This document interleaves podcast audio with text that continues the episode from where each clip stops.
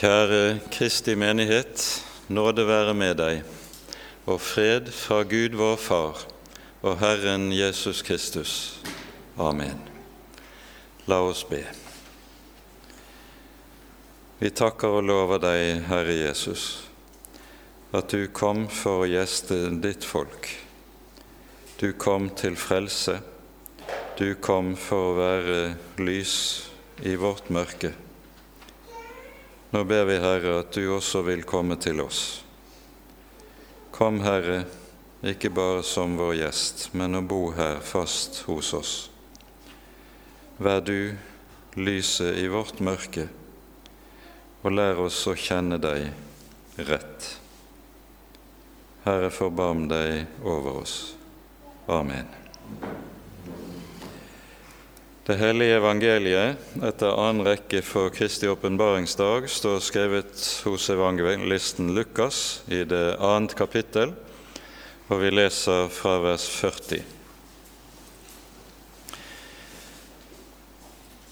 Barnet Jesus vokste og ble sterk. Han ble fylt av visdom, og Guds velbehag var over ham. Hvert år dro foreldrene hans til Jerusalem til påskefesten. Og da han var tolv år gammel, dro de dit opp, som skikken var ved høytiden. Og da de hadde vært der disse dagene til ende, og de dro hjem igjen, ble barnet Jesus tilbake i Jerusalem, og foreldrene hans visste det ikke.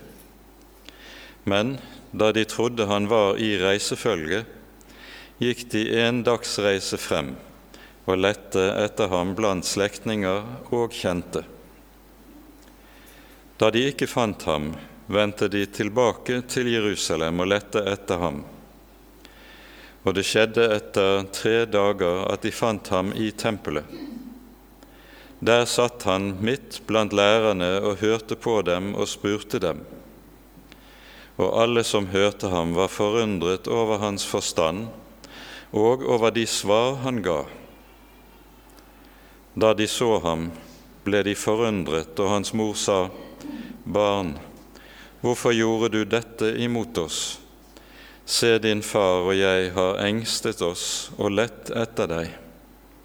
Og han sa til dem, Hvorfor lette dere etter meg? Visste dere ikke at jeg må være i min fars hus? Men de forsto ikke det ord han talte til dem. Så gikk han med dem og kom til Nasaret, og han var lydig imot dem. Men hans mor gjemte alle disse ord i sitt hjerte. Og Jesus gikk frem i visdom og alder og i velvilje hos Gud og mennesker. Dette var ordene, Hellige Far. Hellige oss i sannheten. Ditt ord er sannhet. Amen.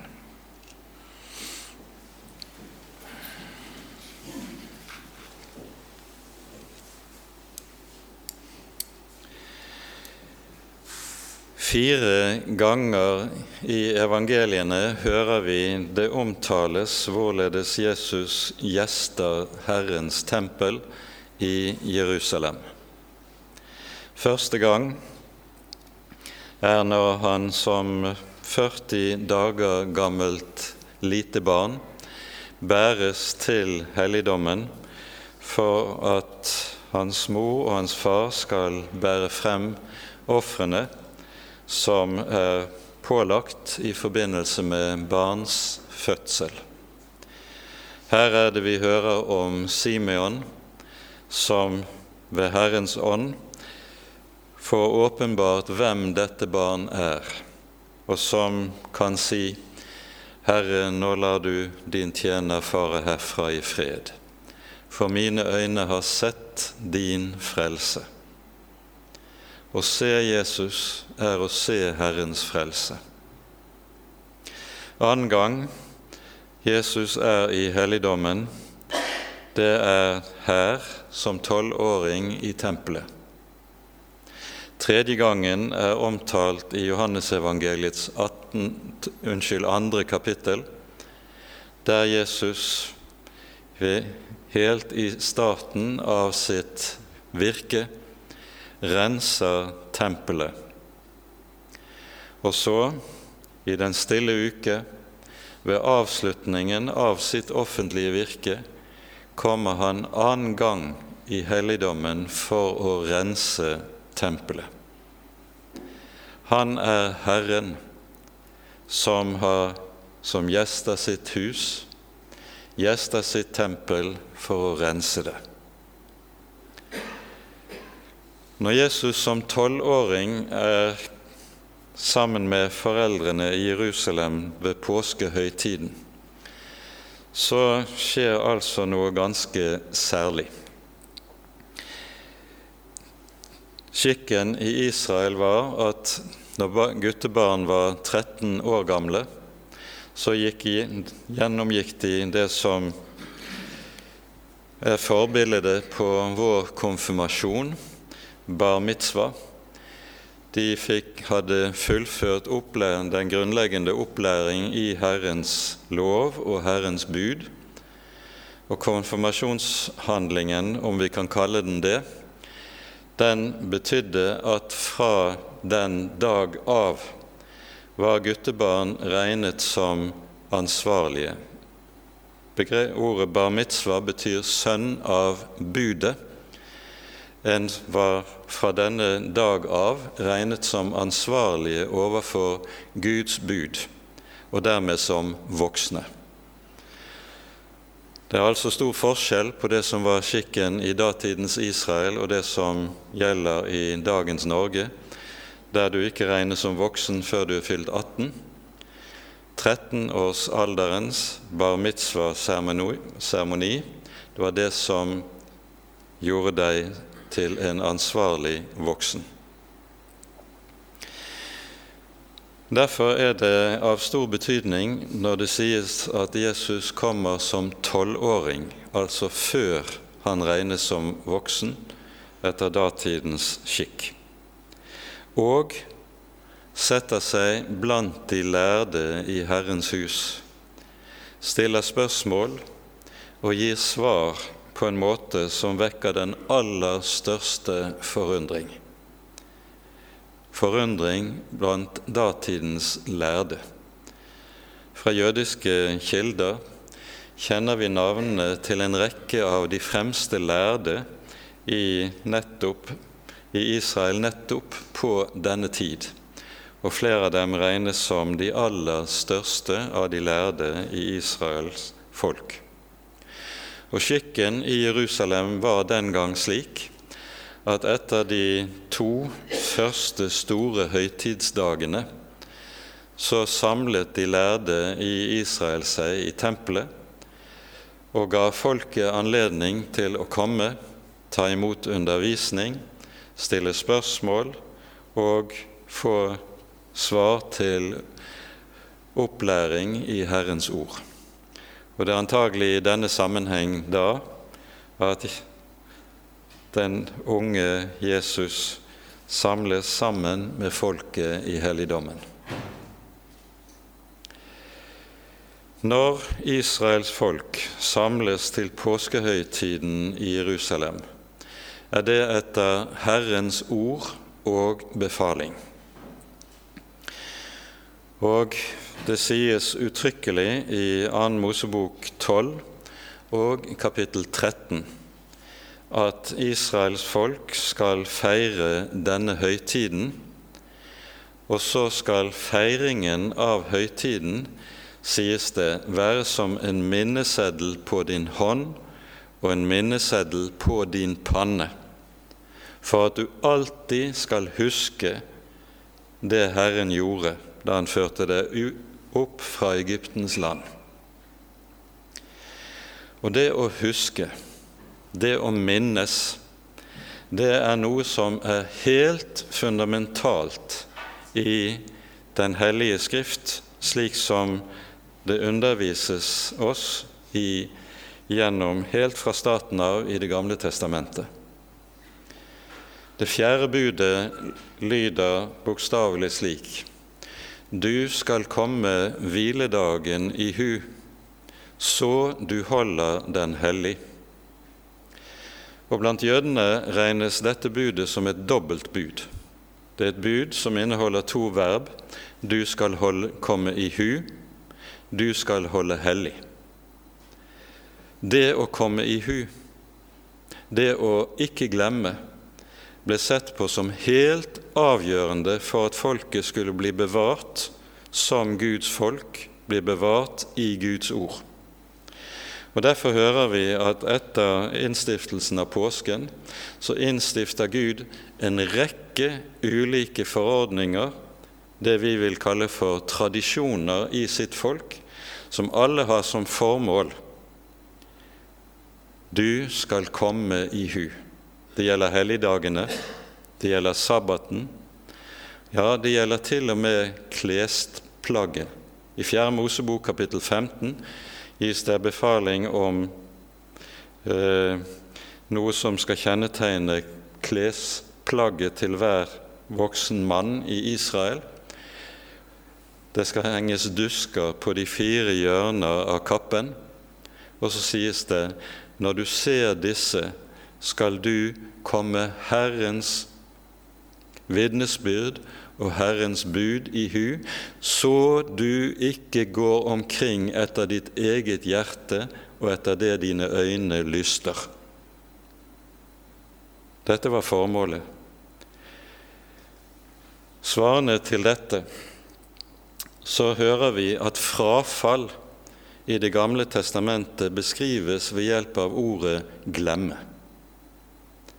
Det å glemme Herrens ord det å glemme Herrens vitnesbyrd og påbud, det er det som fører mennesket inn i frafall. Og Derfor er nettopp dette å komme i hu så avgjørende for Guds folk. Det er dette som også er hensikten med kristne tradisjoner, som er noe av det mest grunnleggende som finnes med tanke på at barna skal opplæres i det som hører Herrens rike, Herrens vitnesbyrd og Herrens ord til. Tradisjoner er nettopp slike minnesteiner som skal hjelpe til at en ikke glemmer. Og slike tradisjoner er grunnleggende nettopp med tanke på undervisningen av barn. Slik har vi tradisjoner, og hos oss er vel tradisjonene rundt jul det som fortsatt holdes sterkest i hevd, mens det ellers, sammen med avkristningen hos oss, har vært et dypt forfall i andre kristne tradisjoner. Noe som går sammen med den glemsel som preger vårt folk og i stor grad også preger mange kristne, en dyp glemsel i forhold til hva Herren lærer oss i sitt ord. Det å reise opp til påskehøytiden sånn som Maria og Josef gjør sammen med hele sin landsby, skjønner vi. Det er et stort reisefølge. Det var slik at påskehøytiden ble regnet som den sentrale høytid. Tre ganger i året var Israel befalt å dra opp til Herrens helligdom og vise seg for Guds ansikt, sies det. Men de som bodde såpass langt vekke som en gjorde i Galilea, de ville som regel ikke ha anledning til å dra opp mer enn én gang i året. Og når de drar opp, så preges denne pilegrimsferden av sang og stor glede. Pilegrimene brukte å dra sammen i større flokker, mens de sang salmene fra salme 120 til og med salme 134. Jeg løfter mine øyne opp til fjellene. Hvor skal min hjelp komme fra? Eller jeg gleder meg over de som sier til meg, la oss dra opp til Herrens hus, til Jerusalem. Slike salmer sang de, og det var gjerne fløytespillere som gikk med på veien og tok del i pilegrimsferden. Jerusalem ble en vanligvis tre dager i forbindelse med høytiden før en dro hjem igjen. Og Den første dagsreisen når en skulle dra hjem igjen, det var gjerne at en stanset opp for å overnatte i Sikkem. Her er det Jesu foreldre Maria og Josef oppdager at Jesusbarnet slett ikke befinner seg i reisefølge. En dagsreise trengs for å vende tilbake til Jerusalem, og etter den andre natten så gir de seg på leting i byen og finner barnet i tempelet. Til stor forferdelse. Og så er det Maria setter ord på foreldrenes frykt. Og det, det er jo en frykt som alle foreldre godt vet hva innebærer når de opplever at deres barn er borte. Det er en stor og dyp angst som kan fylle et foreldre, et morshjerte og et farshjerte ved en sånn anledning. Og så er det altså at Jesus svarer som han gjør. Hvorfor lette dere? Visste dere ikke at jeg måtte være i min fars hus? svarer han. Her er det to ting som vi skal være klar over. For det første bruker Jesus et begrep som Eh, dukker opp i Jesu munn i evangeliene hver gang han taler om Guds råd til frelse fra evighet av. Visste dere ikke at jeg måtte? Ordet som er oversatt med 'måtte', det betyr bokstavelig 'det er nødvendig'. Visste dere ikke at det var nødvendig at jeg må være i Fars hus? Det var etter Guds evige frelsesråd at han skulle være i Herrens helligdom. Og for det andre så står det bokstavelig ikke at jeg måtte være i min fars hus, men jeg må være i det som hører min far til. Og det er Herrens hus. Det er beskjeftiget med Herrens ord. Det er sammen med Guds folk å ta del i undervisningen i de hellige skrifter. Det er det som hører Herren til. Og så gjør gutten på tolv år det klart for foreldrene. Han vet hvem som er hans rette far.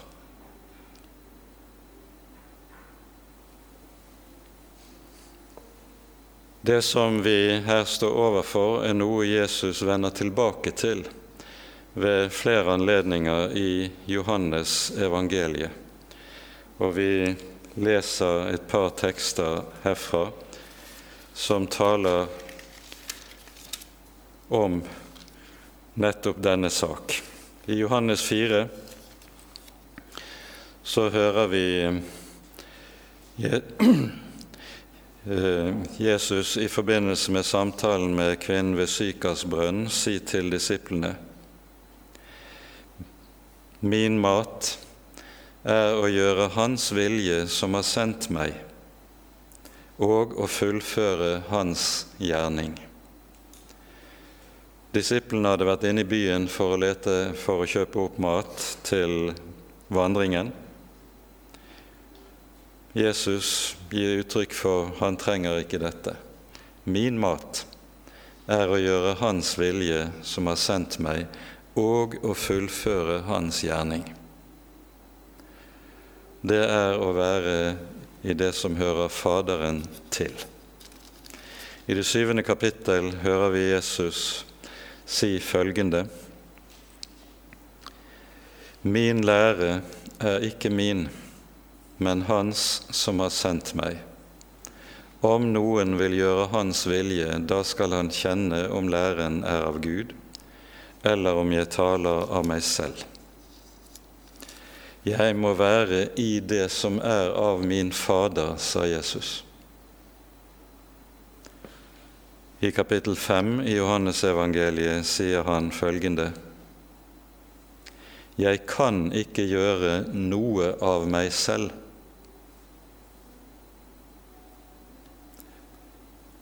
Og i det 19. verset Sønnen kan ikke gjøre noe av seg selv, men bare det han ser Faderen gjøre.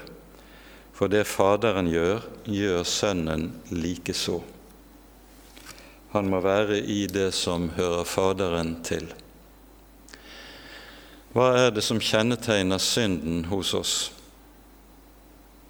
Dypest sett er det det at vi gjør noe som er av oss selv, som har kilde i vårt eget bryst. Synden brytes av Han som ikke har sin kilde i seg selv, men i Faderen ovenfra. Syndefallet betød, som vi leser det, at den onde frister mennesket og sier 'dere skal bli like som Gud'.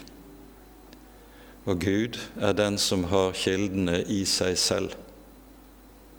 Fra denne dag av, fra fallets dag av, så søker mennesket sitt liv i seg selv, i sitt eget bryst og i sitt eget hjerte, i stedet for å hente livet utenfra, ifra Faderen og det Faderen gir. Jesus er som den syndfrie, den eneste som om hvem det kan lyde som vi hører det, jeg kan ikke gjøre noe av meg selv men bare det jeg ser Faderen gjøre. Og med det Jesus her sier til oss i, når han sier Visste dere ikke at jeg måtte være i det som hører min Fader til? Så peker han på dette som er noe av det grunnleggende kjennetegn ved hans syndfrihet. Jesus er den ene syndfrie, helt fra fødselen av, som lite barn, som gutt, som ungdom, faller han aldri i noe synd, noe som er i strid med Herrens ord og Herrens lov. I alle ting er han den som fullfører og fullbyrder Faderens vilje. Det sies i hebreabrevet om Jesus. Han er prøvet i alle ting i likhet med oss, dog uten synd. Han er prøvet i alle ting, prøvet i alt det som et barn prøves i, uten synd. Prøvet i alt det som en ungdom utsettes for, uten synd. Prøvet i alt det vi som voksne utsettes for av fristelser, uten synd. Og denne syndfrihet er det han deler med oss gjennom syndenes forlatelse når han rettferdiggjør syndere ved sitt eget kors. Og så er det en veldig trøst for oss nettopp å vite på hvert stadium i livet som vi lever igjennom, han er prøvet i alt, i likhet med oss, uten synd. Derfor kan han også komme dem til hjelp, som kommer til Faderen ved ham. Så kan han komme deg og meg til hjelp. På hvert stadium i livet.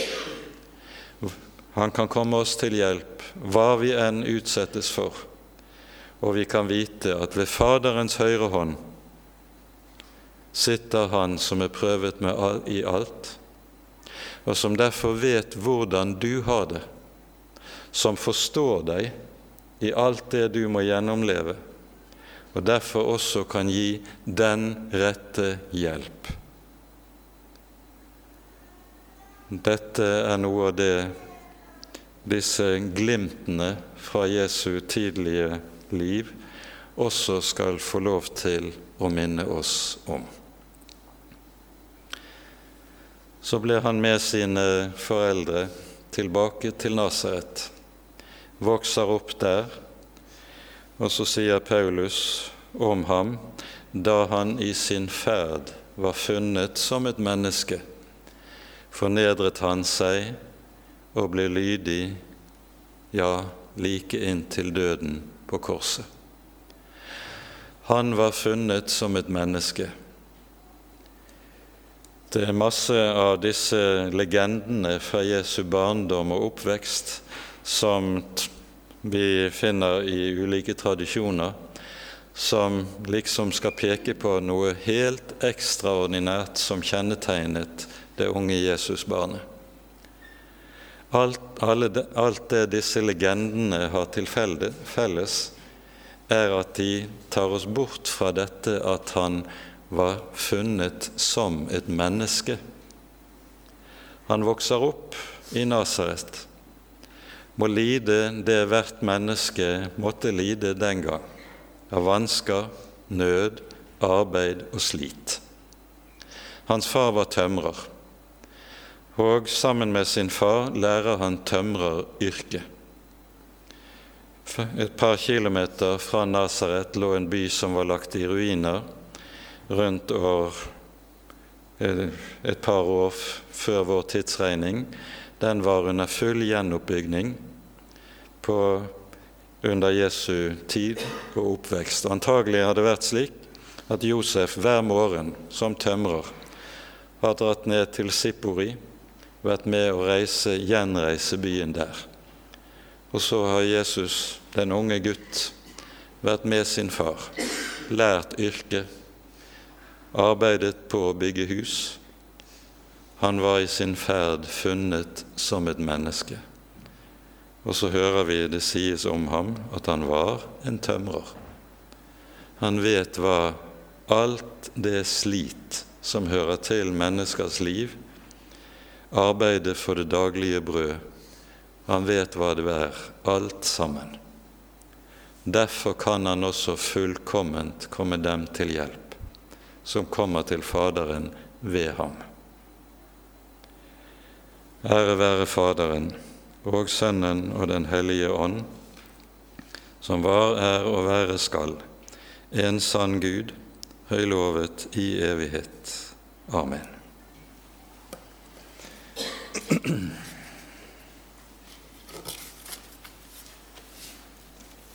Vi synger så salmen på nummer 52. Hør nå godt nytt som på jorderik hente, nummer 52.